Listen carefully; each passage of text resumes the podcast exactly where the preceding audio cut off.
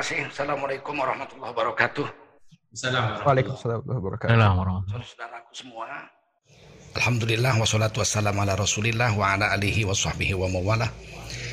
Ketika Turki Utsmaniyah berdiri tahun 1300 itu, sebelum itu sekitar 40 tahun sebelum itu, masih era dinasti Seljuk.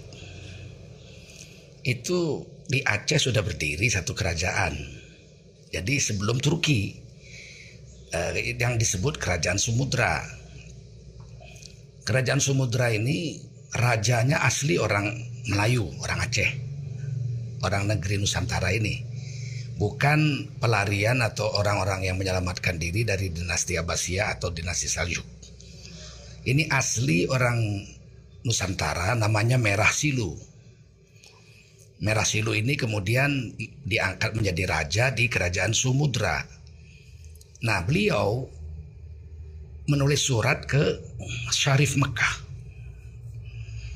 untuk minta pengangkatan resmi Artinya di bawah khilafah Islamiyah juga, tapi belum ada Turki Osmaniyah. Maka Syarif Makkah menuliskan surat pengangkatan resmi kepada Merah Silu untuk menjadi raja Nusantara dengan gelar sama dengan nama Syarif Makkah itu, yaitu Malikus Soleh. Syarif Makkah namanya Malik As-Soleh, Malikus Soleh. Maka jadilah Merah Silu itu namanya Malikus Soleh. Nama aslinya Merah Silu kuburannya ada di gedung juga di Lok Semawe. Ya, sangat bersahaja, hanya beratap langit. Tidak ada apa-apa, hanya batu nisan, batu sungai saja. Tetapi eh, tercatat dalam sejarah karena di sebelah-sebelahnya ada anak-anaknya. Malikus Zohir, Malikus Zohir dua, terus uh, uh, cicitnya karena anak dari Malikus Zohir dua yaitu Malikus Zohir tiga, di, namanya Zainul Abidin itu dibawa oleh Laksamana Cheng Ho ke Cina untuk dididik di Cina, tetapi sayang beliau wafat di Cina. Jadi itu ditulis dalam aksara Cina di buku Cina, namanya Chainuli Apitingki. Ya. Zainul Abidin maksudnya. Nah, Zainul Abidin ditulis dengan aksara Cina menjadi Chainuli Apitingki. Nah jadi sebelum Utsmaniyah, Turki Utsmaniyah, Khilafah Turki Utsmaniyah, Aceh sudah punya kerajaan Islam pertama di Nusantara. Merah Silu, Kerajaan Sumudra. Jauh ke bawah di daerah Pasai. Kemudian muncul satu kerajaan lagi, kerajaan Islam namanya Pasai. Ini sudah zaman Turki Utsmaniyah. Nah, ada persaingan biasalah namanya sultan kan untuk melebarkan wilayahnya tetapi kemudian dengan eh, perasaan bersatu, akhirnya mereka menikah. Jadi anak kerajaan Samudra dengan anak kerajaan Pasai dinikahkan. Dan dua kerajaan ini menjadi kerajaan Samudra Pasai. Nah, sama dari sama-sama Aceh sama Aceh. Cuman yang satu di timur, yang satu di uh, Aceh Utara. Jadi dua-duanya menjadi kerajaan Samudra Pasai. Dari kerajaan Pasai ini muncul seorang pemuda yang alim, ibunya orang Campa. Ini yang kemudian menjadi Sunan Gunung Jati. Ya. Karena ketika Pasai jatuh ke tangan Portugis, beliau tidak rela dan beliau pergi ke Jawa, bergabung dengan Falatehan, Raden Fatah. Kemudian beliau diangkat menjadi wali di atau ke penguasa di Cirebon. Jadi Sunan Gunung Jati itu anak Fasai, anak Aceh, yang ibunya dari Campa. Saudara-saudaraku sekalian, hubungan negeri-negeri Nusantara yang dikuasai oleh 200-an sultan, dari mulai Aceh sampai Raja Ampat, Papua, itu tidak bisa dipisahkan dengan khilafah Islamiyah. Orang-orang yang mencoba memisahkan adalah orang-orang yang tidak tahu malu atau buta sejarah. Ya. Jadi saya ingin beritahu bahwa ada 200 kerajaan Islam di Indonesia yang semuanya berafiliasi ke Turki Osmania sebelum Indonesia merdeka. Kalau kerajaan Aceh sudah jelas tadi ada suratnya ya ketika Sultan Mansur Shah menuliskan surat pada tahun 1850 mohon izin untuk memerangi Belanda karena kerajaan Pagaruyung di Sumatera Barat jatuh ke tangan Belanda.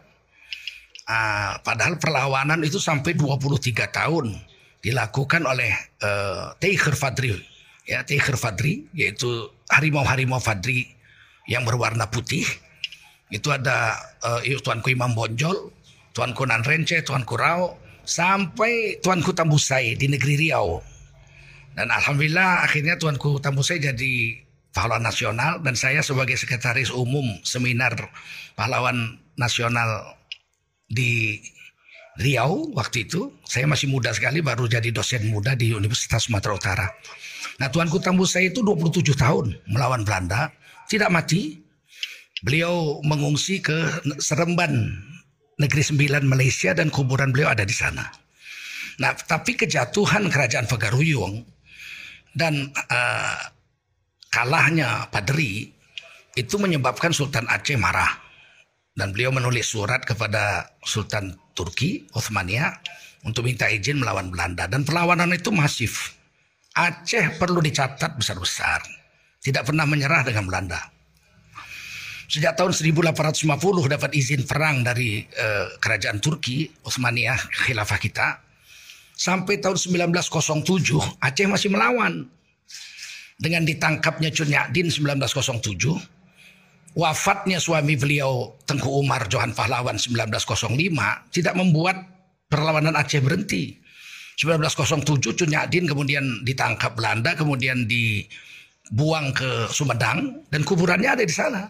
Beliau seorang hafizah, hafal Quran 30 juz. Beliau sudah buta waktu itu 1907 dan beliau pakai ijazah Artinya ijazah itu kain hitam yang ditutupkan ke kepala, wajahnya hanya nampak matanya saja. Jadi Cunyadi ini bercadar namanya ijasawa.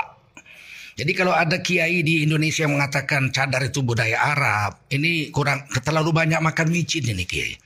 Kami, ya, kami orang Aceh sudah ratusan tahun pakai ijasawa ya. Nenek saya orang Aceh. Jadi saya tahu betul. Dan di Sumatera Timur juga saya banyak foto-foto yang bisa di, diunggah.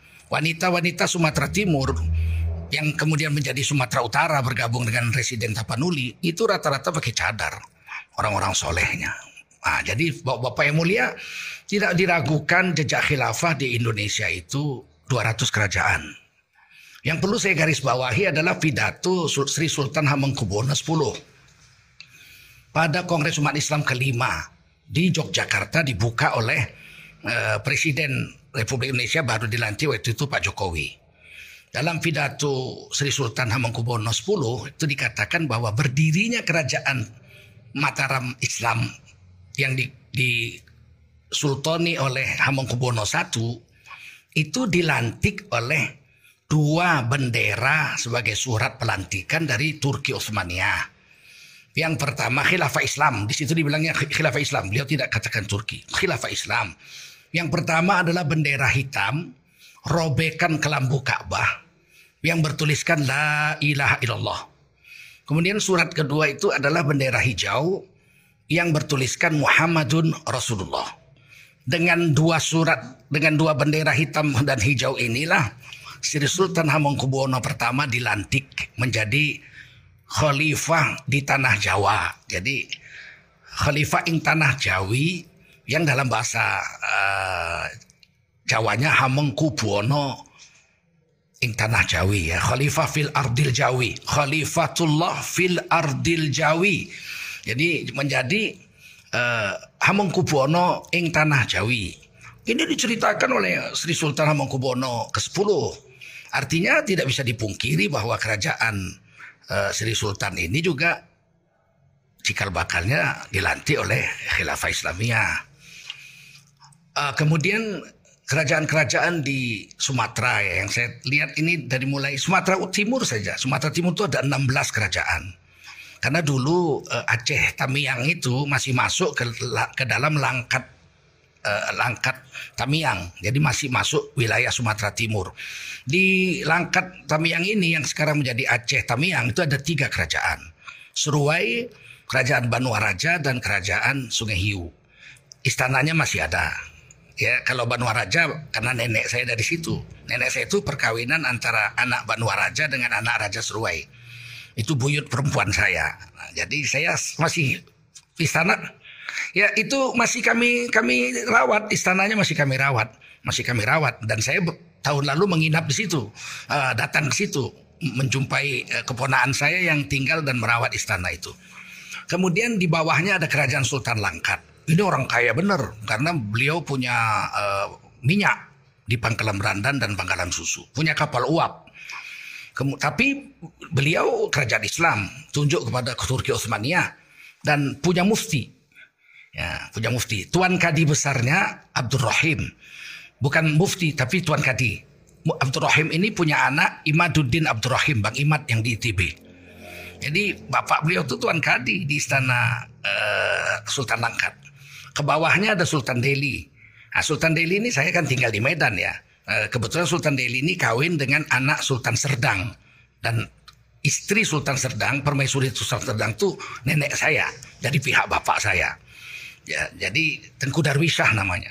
Jadi uh, saya pernah bicara langsung dengan Sultan Delhi yang yang tua yaitu Tengku Azmi.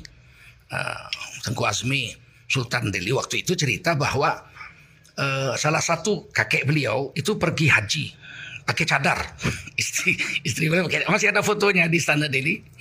Kemudian menghadap ke Syarif Makkah untuk minta mufti bagi kerajaan Delhi. Jadi kerajaan Delhi ini kemudian dibukalah buku catatan. Ternyata ada anak Delhi dari Labuhan itu mengaji di Mekah namanya Hasan Maksum. Maka kemudian Sari Mekah mengatakan ini tidak perlu lagi di, dikirim dari Mekah karena ada anak Delhi yang ngaji di sini bertahun-tahun. Maka dilantiklah Syekh Hasan Maksum itu menjadi mufti kerajaan Delhi. Jadi ini izin daripada uh, khilafah Islamiyah dari Syekh Hasan Maksum inilah, ini kakek guru saya. Ah, dari beliau inilah menurun seluruh ulama-ulama besar di Sumatera Utara yang kemudian mendirikan organisasi Islam uh, uh, Al-Wasliyah pada 1926. Hampir rata-rata itu ya, itu murid Syekh Hasan Maksum seperti uh, Syekh Arsad Talib Lubis ya, adik ipar kakek saya ya Anda Sulaiman itu imam besar Masjid Raya Sultan Delhi uh, Abdurrahman Syihab dan lain-lain yang mendirikan Al-Wasiyah. Nah, di bawahnya lagi ada kerajaan Serdang. Kerajaan Serdang ini muftinya Tengku Air Fakhruddin, masih kakek sepupu kami lah. Itu udah jelas. Kita ini ke Turki Osmania. Semuanya kalau udah berdirinya kerajaan pada abad ke-14, 200 kerajaan Islam di Sumatera di seluruh Indonesia itu tidak bisa dipungkiri punya hubungan dengan khilafah Islamiyah. Nah, saya akan kembali kepada masa sekarang. Pertemuan kami Ormas Islam Matlaul Anwar dengan Menteri Agama ya, awal-awal beliau baru dilantik. Dengan tegas kami mengatakan tidak mungkin menghapuskan uh, sejarah khilafah dari Indonesia. Dan waktu itu kesepakatan beliau tidak akan hapuskan dari pelajaran-pelajaran agama. Hanya saja beliau masukkan dia ke dalam sejarah. Tidak diletakkan dalam pelajaran fikih. Ini kesepakatan. Jadi kalau koran ini mengatakan dicabut dari buku-buku pelajaran ini kita akan cek ulang. Kalau begitu akan akan ada terjadi pengkhianatan kesepakatan. Sebab nggak bisa dihapuskan ini khilafah ini kan kalau di dalam sejarah mana bisa menghapus khilafah dari Indonesia itu mengkhianati keilmuan. Ya karena itu sejarah kok bisa dihapus. Nah, bahkan tadi seperti yang saudara kita katakan tadi Sebetulnya dari zaman Khalifah Rasulullah itu sudah ada Khalifah Rasidin sudah ada hubungan dengan negeri Nusantara. Seperti misalnya di zaman Khalifah Muawiyah bin Abi Sofyan, beliau menulis surat kepada Ratu Sima di Jawa. Ratu Sima ini belum Islam, tapi sudah mengamalkan hukum Islam. Dan itu dicatat dalam sejarah-sejarah, buku-buku sejarah yang pernah saya baca juga. Waktu saya masih SMP saya baca. Ratu Shima ini punya seorang anak pangeran mahkota. Kemudian satu hari dia berjalan, ternyata sudah ada pundi-pundi uang. Dulu kan uang emas sama perak aja. Pundi-pundi uang yang jatuh di tengah jalan. Tidak ada satupun yang berani mengambil pundi-pundi uang itu. Sampai berbulan-bulan akhirnya ditendang itu sama pangeran itu. Pundi-pundi emas itu ditendang berserakanlah uang emas di jalan raya itu. Maka kemudian sampai kepada Ratu Sima perbuatan anaknya Pangeran Mahkota. Maka Ratu Sima memotong kakinya sebagai hukuman. Jadi Pangeran Mahkota kakinya dipotong karena menyepak pundi-pundi emas seorang uh, Arab yang kebetulan pundi-pundinya jatuh. Biarkan di situ sampai orangnya datang mengambil lagi. Ini kan hukum Islam nih, dipotong kakinya. Nah, dalam satu buku, sayangnya buku itu saya baca masih SMP. Buku itu tidak ada sampulnya. Jadi tidak ingat saya judulnya. Tapi di situ dikatakan pundi-pundi uang itu adalah milik Sayyidina Abdullah bin Abbas radhiyallahu anhu. Utusan daripada Khalifah Muawiyah bin Abi Sofyan untuk mendakwahkan Islam ke negeri Nusantara. Dan di negeri Barus 850 anak tangga di sebuah bukit itu ada satu kuburan seorang sahabat Nabi namanya Syekh Mahmud dikabarkan beliau adalah bin Abdullah bin Mas'ud radhiyallahu anhu dan beliau punya murid di bawah di Taman Mahligai makam-makam tabi'in di situ ada Syekh Rukunuddin pada batu nisan beliau tertulis Syekh Mahmud itu wafat tahun 48 Hijriah Artinya beliau sudah wafat pada zaman Sayyidina Muawiyah bin Abi Sofyan. Radhiyallahu anhu sudah wafat. Artinya beliau sudah dakwah di negeri Barus itu. Ya. Dan saya baru sebelum puasa Ramadan kemarin berziarah ke Bakara. Bakara itu ada satu raja Batak, Sisingamangaraja. 1 sampai 12. Nah, di pinggir Danau Toba itu ternyata di Bakara itu saya bicara dengan cicitnya. Mereka mengatakan kami tidak makan babi, tidak makan anjing. Dan kami sudah jadi kerajaan 500 tahun sebelum penjajah Belanda datang ke negeri Batak. Saya katakan uh, kalian ini sebetulnya agama Islam, tapi belum tuntas karena kalian namanya parmalim. Parmalim itu asal kata mualim. Mualim itu guru dalam bahasa Arab. Oh iya memang Singamaraja disebut sang guru, guru ya. Mualim itu guru. Par itu dalam bahasa Batak dijadikan. Jadi parmalim dijadikan guru. Beliau punya tikar sembayang dan beliau punya zawiyah kamar kecil khusus untuk beliau bersikir bersikir di situ yang disebut Bonapasogit dalam bahasa Batak. Dan beliau itu mendapatkan ilmunya itu dari Barus. Jadi si Kamaraja satu itu mendapatkan ilmu menjadi mu muallim ini itu di Barus. Pakaiannya jubah serban. Jadi si Kamaraja itu bajunya orang permalim itu pakai jubah serban seperti saya. Pakai tongkat hitam dan istrinya pakai cadar hitam-hitam. Dan mereka itu uh, di dalam lambang negara Singa Maharaja 11 yang jadi pahlawan kan Singa Maharaja 12 itu ditulis di situ Maulana Kutanya. Jadi Maulana Kutana. Maulana Kutana artinya raja negeri.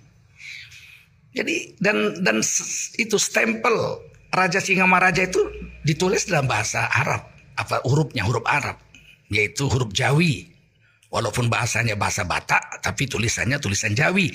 Padahal Batak punya tulisan. Batak punya tulisan 19 huruf. Tapi kenapa dipakai Melayu? Nah, karena beliau tidak Kristen. Beliau tidak beragama Kristen. Tidak beragama Nasrani beliau. Dan buktinya Singa Maharaja 12 anak beliau menentang Belanda. Nah sekarang kalau kita tarik garis. Ini Singa Maharaja satu sampai 12 itu dapat sumbernya dari Barus. Dan Barus kita ketahui ada sejak Khulafaur Rasyidin. Sejak zaman Turki, uh, sejak zaman Khalifah Muawiyah bin Abi Sofyan. Nah, Bapak Saudara yang mulia serta para pemirsa sekalian nantinya kita akan bisa ketahui. Saya akan konfirmasi lagi kepada Menteri Agama. Kalau ini dihapus, ini sesuatu uh, penyelewengan apa namanya pengingkaran kesepakatan dan satu pengkhianatan terhadap ilmu.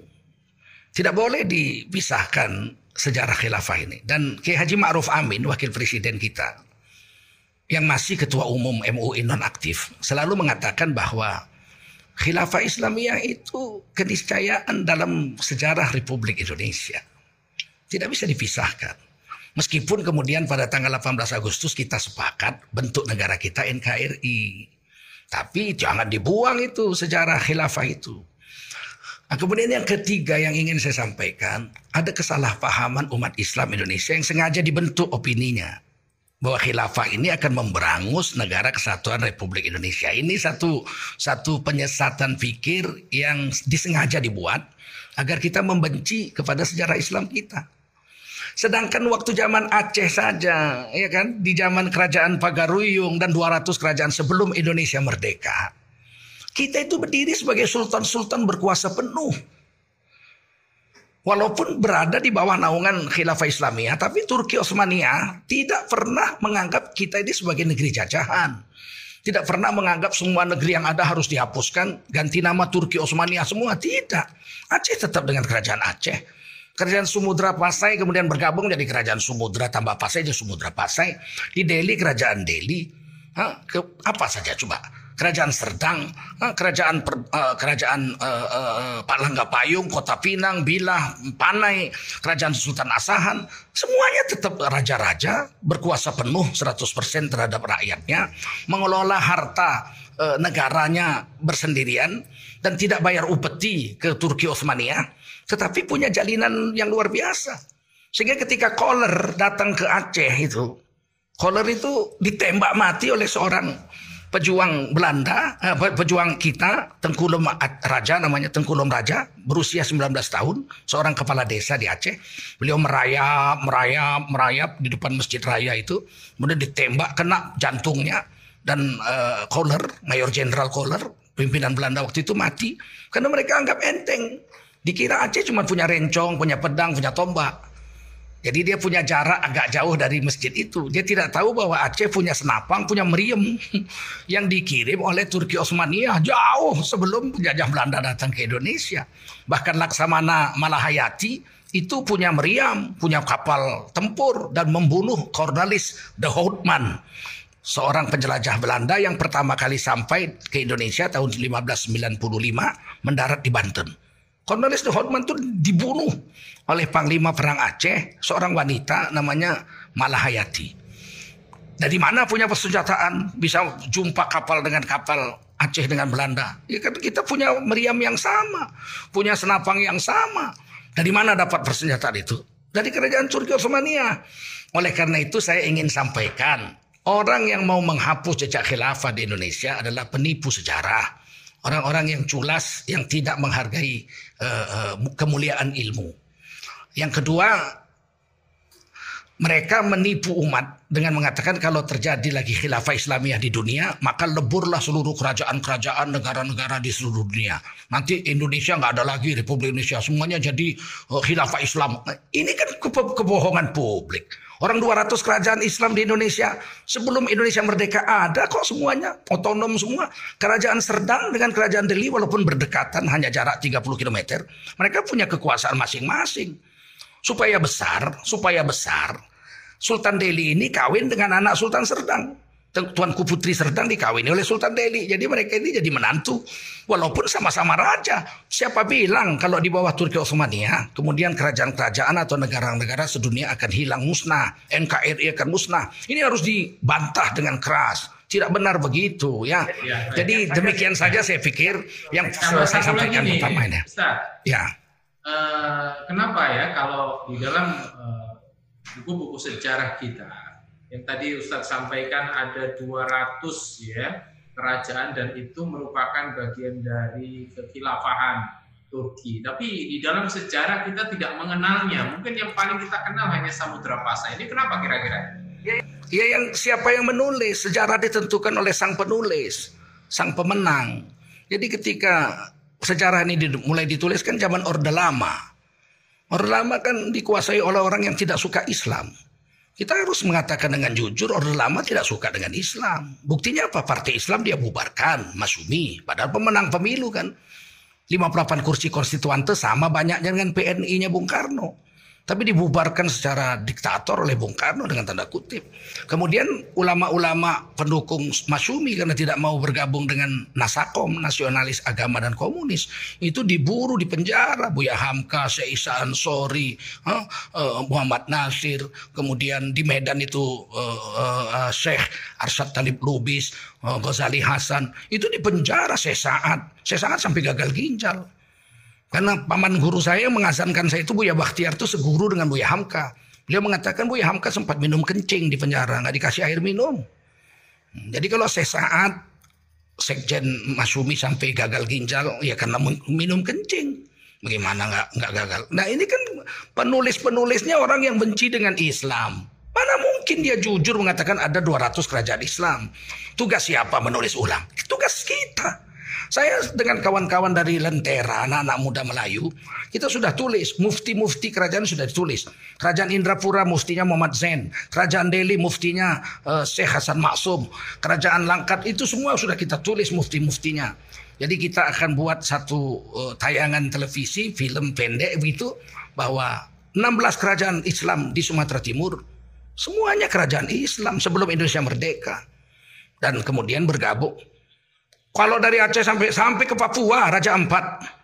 Sampai sekarang ah, ya kalau kalau ya kalau itu dari Aceh sampai Lampung. Sultan Toha di Jambi juga Turki Osmania kan orang Islam juga kerajaan Islam.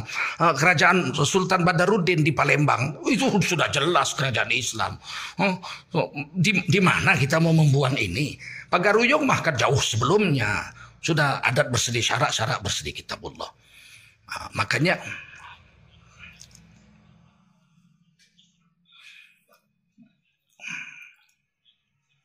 Ia bukan saja memutus, menghapus. Dia memanipulasi seolah-olah kerajaan-kerajaan Nusantara ini adalah kerajaan-kerajaan diktator, feodal, kan difitnah sebagai feodal. Nah kemudian afiliasi-afiliasi politik PKI membunuh sultan-sultan yang ada di Sumatera Timur pada satu malam yang sama. Pada tahun 1946 itu mereka membunuh serentak. Seluruh sultan itu dibunuh. Ada yang selamat tapi banyak yang mati keluarga-keluarganya. Ini Sultan Langkat sampai sekarang kan kuburannya nggak ketahuan di mana. Sultan Tengku Saibun daripada Asahan. Itu semua dibunuh. Ya ada yang disiksa. Yang selamat cuma kerajaan Delhi. Karena kebetulan di situ ada Westerling. Yang paling mengejutkan saya baru dapat kabar yang menyerang kerajaan Delhi itu adalah Tan Malaka dan kawan-kawan. Pendiri PKI Putih ini ya. ya. Jadi kan mengejutkan sekali itu. Saya baru tadi malam saya agak shock juga membaca itu bahwa kerajaan Delhi itu diserang tiga hari tiga malam saya tahu. Sebab kan bapak saya pun tinggal di Medan. Kakek saya pun cerita tentang itu. Kakek saya kan keluarga Sultan Serdang. Selamatnya itu karena ada Tengku Nurdin. Tengku Nurdin itu bapak dari Gubernur Sumatera Utara Tengku Rizal Nurdin. Beliau kolonel. Ah, Bapak saya ikut perang sampai mundur sampai ke Merdingding eh, perbatasan Aceh Utara melawan penjajahan Belanda. Kerajaannya tapi istananya dibakar. Delhi selamat nggak dibakar karena ada Westerling pasukan Westerling sedang berada di Delhi. Tapi yang menyerang itu tiga hari tiga malam di bawah pimpinan Tan Malaka. Ini kan mengejutkan. Kenapa sultan-sultan harus dibunuh? Mereka kan sultan-sultan Islam. Mereka tidak menjajah rakyatnya. Mereka berdaulat penuh selama ratusan tahun. Bukan baru-baru 10-20 tahun. Nah, berketurunan, berketurunan. Nah ini pasti ada satu gerakan. Sehingga ketika kita terkejut membaca teks proklamasi, hal-hal mengenai pemindahan kekuasaan dan lain-lain diselenggarakan dengan cara seksama dan dalam tempo yang sesingkat-singkatnya. Sekarang kita bertanya, pemindahan kekuasaan dari siapa? Dari Jepang, Jepang sudah kabur, sudah melarikan diri karena dibom tanggal 14 Agustus sudah lari dari Indonesia. Indonesia nggak punya penguasa. Serah terima sama Belanda. Belanda sudah tiga tahun sebelumnya dihajar oleh Jepang. Terus pemindahan kekuasaan ini dari siapa? Sebetulnya kalau mau jujur pemindahan kekuasaan itu dari sultan-sultan yang 200 itu. Dari kerajaan-kerajaan. Iya. Dan kan kerajaan Siak membantu Bung Karno 12 ribu triliun. Satu tri, 12 ribu Helden. Satu triliun itu. Yang itu saya sendiri yang menelitinya. Karena kurang bahan ketika selesai seminar itu. Sebagai sekretaris umum saya pergi ke Aceh Nah saya jumpa uh, uh, Bupati Aceh Besar Zaini Bakri 32 tahun jadi bupati. Beliau sudah stroke. Beliau diktekan apa ada 9 atau 12 poin, saya tulis tangan, kemudian saya ketik di toko Cina. Kemudian foto yang ada di dindingnya itu saya repro. Di situ ada Bung Karno di depan Istana Negara, Ibu Fatmawati, kemudian Raja Aceh Sultan Mahmud, kemudian Sultan Sarif Kasim Sultan Siak, kemudian istrinya Tengku Sarifah, kemudian Wali Kota Zaini Bakri, kemudian di sebelah paling kiri adalah Tengku Ali Hashmi.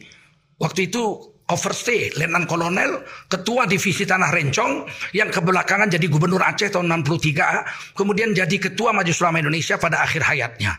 Dari situlah saya dapat 8 atau 9 buku tentang bagaimana Sultan Syarif Kasim datang ke istana memberikan uang. Nah sekarang ternyata tidak ada surat penyerahan kekuasaan.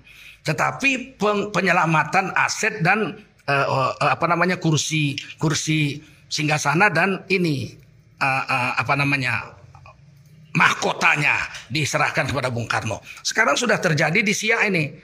Siak Senidopura pusat kerajaan uh, Sultan Syarif Kasim ini, kerajaan Siak sedang bergolak menuntut kembali istana itu dikembalikan kepada keluarga karena tidak ada pernah ada. Nah, Nah, jadi hal-hal mengenai pemindahan kekuasaan dan lain-lain itu kan dibuat oleh Bung Karno dan kawan-kawan, bukan dibuat oleh Sultan begitu. Nah ini harus digali ulang. Saya begini ya, kami semuanya orang-orang Melayu ada 16 kerajaan tidak pernah ingkar dengan NKRI. Udah ini kesepakatan kita. Tapi jangan dihapus dong. Sejarah kesultanan, sejarah khilafah, jasa kita memerdekakan Indonesia ini jangan dihapus, jangan dianggap cuma orang Jawa aja yang berjuang. Ini kita orang Sumatera juga ikut perang. Kita juga berkorban nyawa dan harta. Jadi ini yang kadang-kadang perlu ditelusuri ulang dan saya mau kita bentuk bersama-sama tim untuk uh, meneliti ulang, merekonstruksi sejarah 200 kerajaan Islam ini dan bagaimana pemindahan kekuasaan dulu penuh dengan pertumpahan darah pada tahun 1946. Itu harus diusut. Siapa yang membunuh sultan-sultan Islam di seluruh Nusantara itu? Siapa yang membunuhnya? Nah, PKI. Kalau PKI perintah siapa? Harus ada rekonstruksi sejarah. Terima kasih. يا الله يا بصير يا سميع يا عليم يا حي يا قيوم برحمتك أستغيث.